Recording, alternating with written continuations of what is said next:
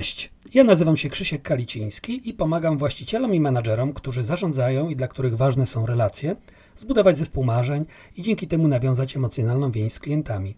Zespół to sztuka zarządzania relacjami, a ja dzielę się doświadczeniem budowania i współtworzenia znanych marek, które stały się rynkowymi benchmarkami. Jestem konsultantem, mentorem i coachem, prowadzę również warsztaty szkoleniowe. Zapraszam.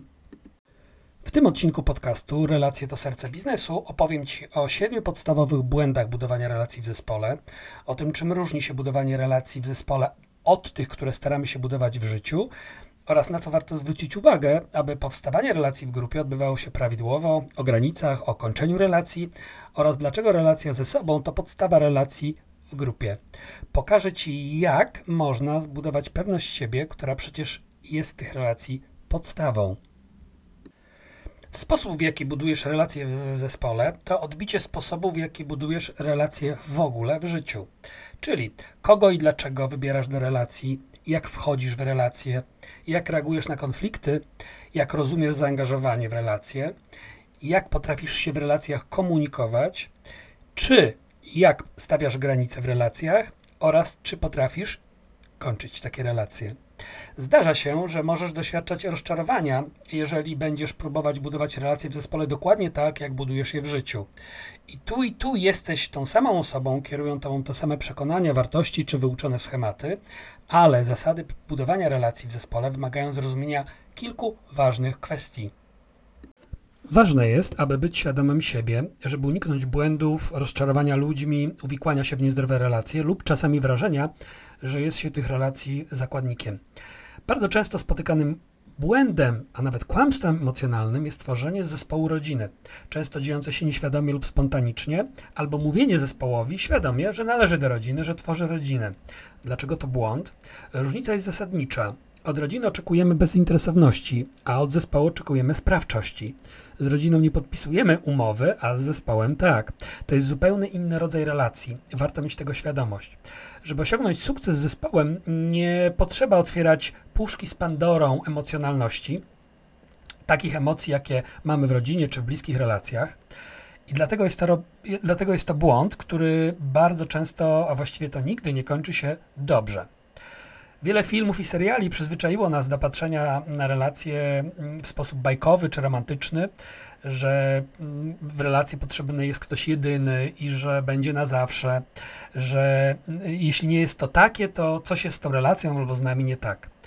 Wszystkie dorosłe relacje, dojrzałe relacje są warunkowe. Kropka.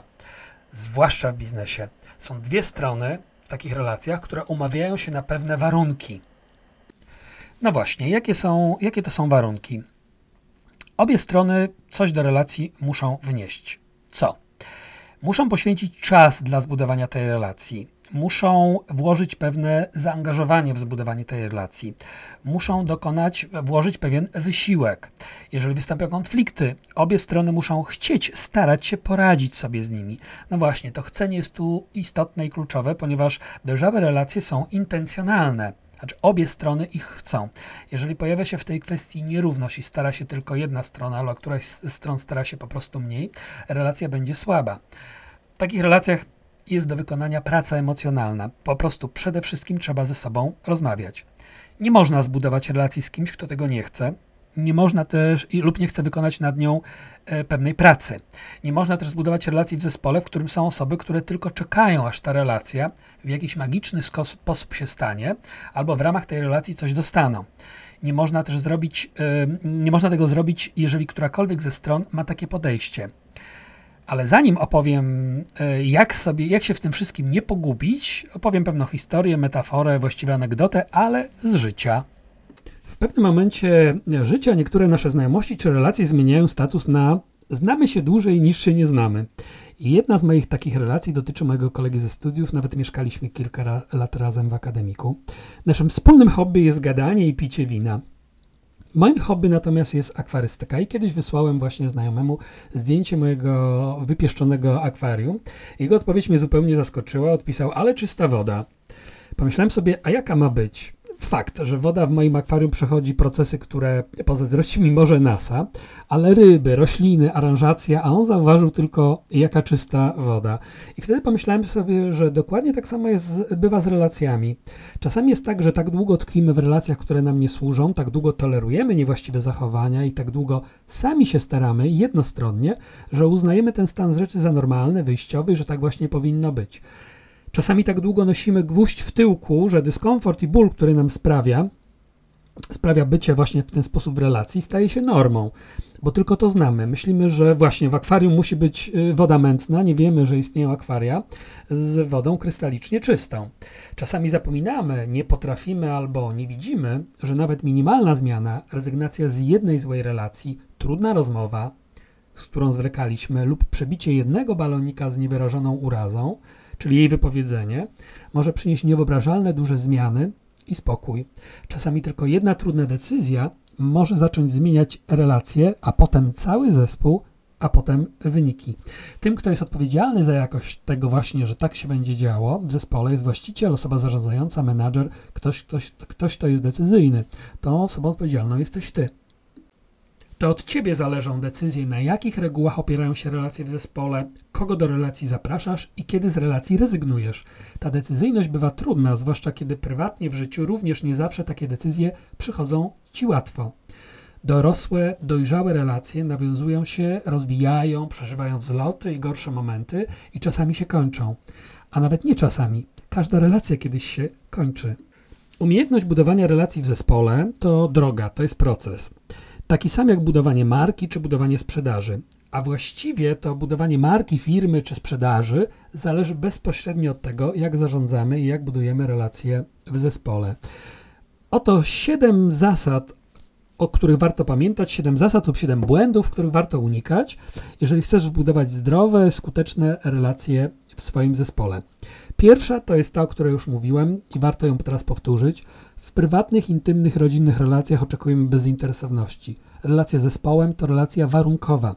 Może się udać tylko, kiedy chcą tego obie strony na pewnych warunkach, o których wspomniałem wcześniej. Takie relacje muszą mieć zarządcę. Same się nie wydarzą, same się nie ułożą, same się nie wyjaśnią. To kierowanie takimi relacjami jest niezbędne, do kierowania takimi relacjami jest niezbędne ustalenie reguł i zasad, na jakich będą się opierać. Co jest tolerowane i oczekiwane, a co nie. O tych zasadach i ich tworzeniu posłuchasz w moim podcaście na temat właśnie budowania kultury organizacji. Po drugie, nie z każdym można relacje zbudować, dlatego tak ważna jest umiejętność rekrutacji.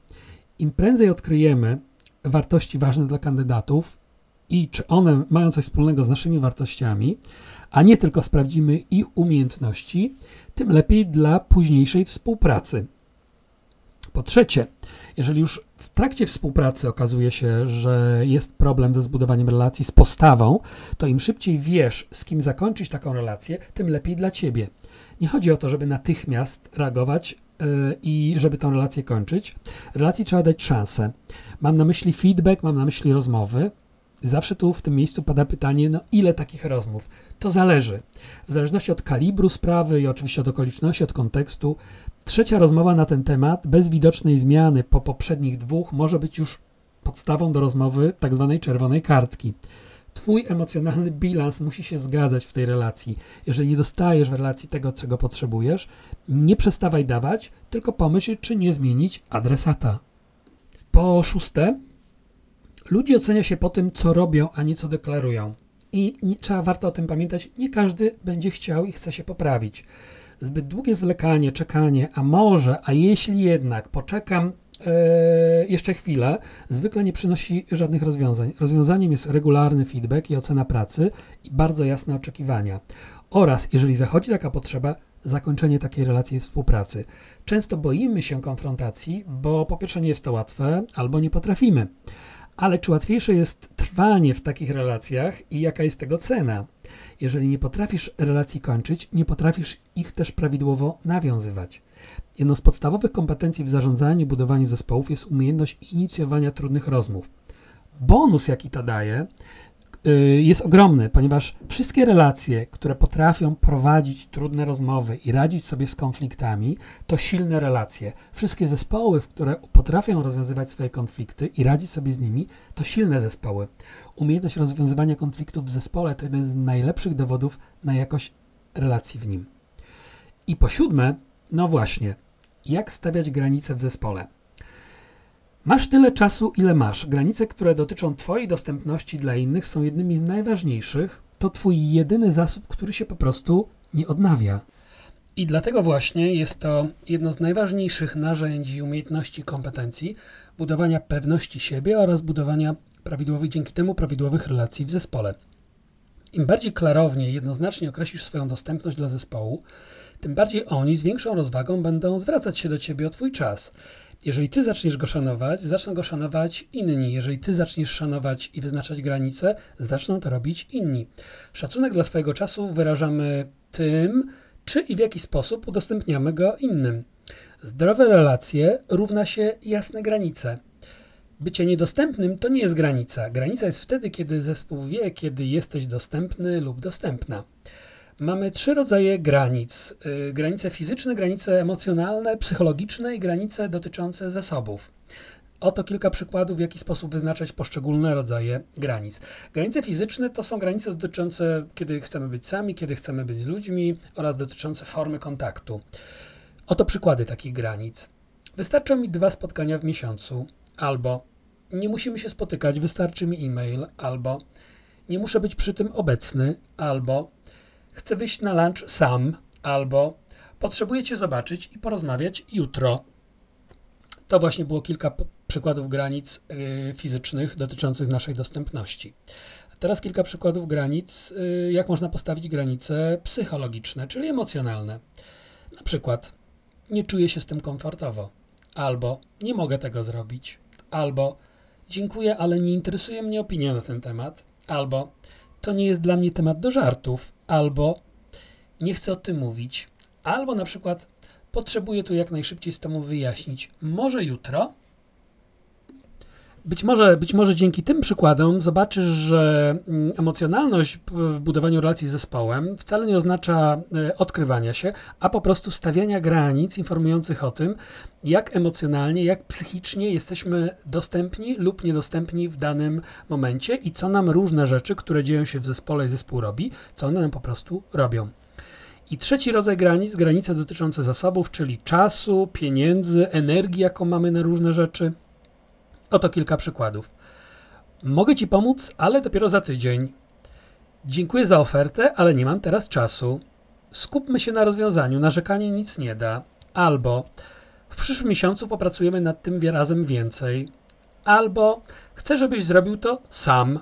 Albo mogę Ci pożyczyć, ale połowę kwoty. To taka granica też życiowa. Jeżeli chcesz zadbać o swoją energię i dobre samopoczucie i pewność siebie, budując relacje w zespołem, pracując z zespołem, zwróć uwagę na to, w jaki sposób dbasz o swoje potrzeby i jak to wyrażasz właśnie za pomocą granic. I najważniejsze, z żadnej granicy nigdy nikomu nie musisz się tłumaczyć. Jeżeli nie masz czasu, to po prostu go nie masz.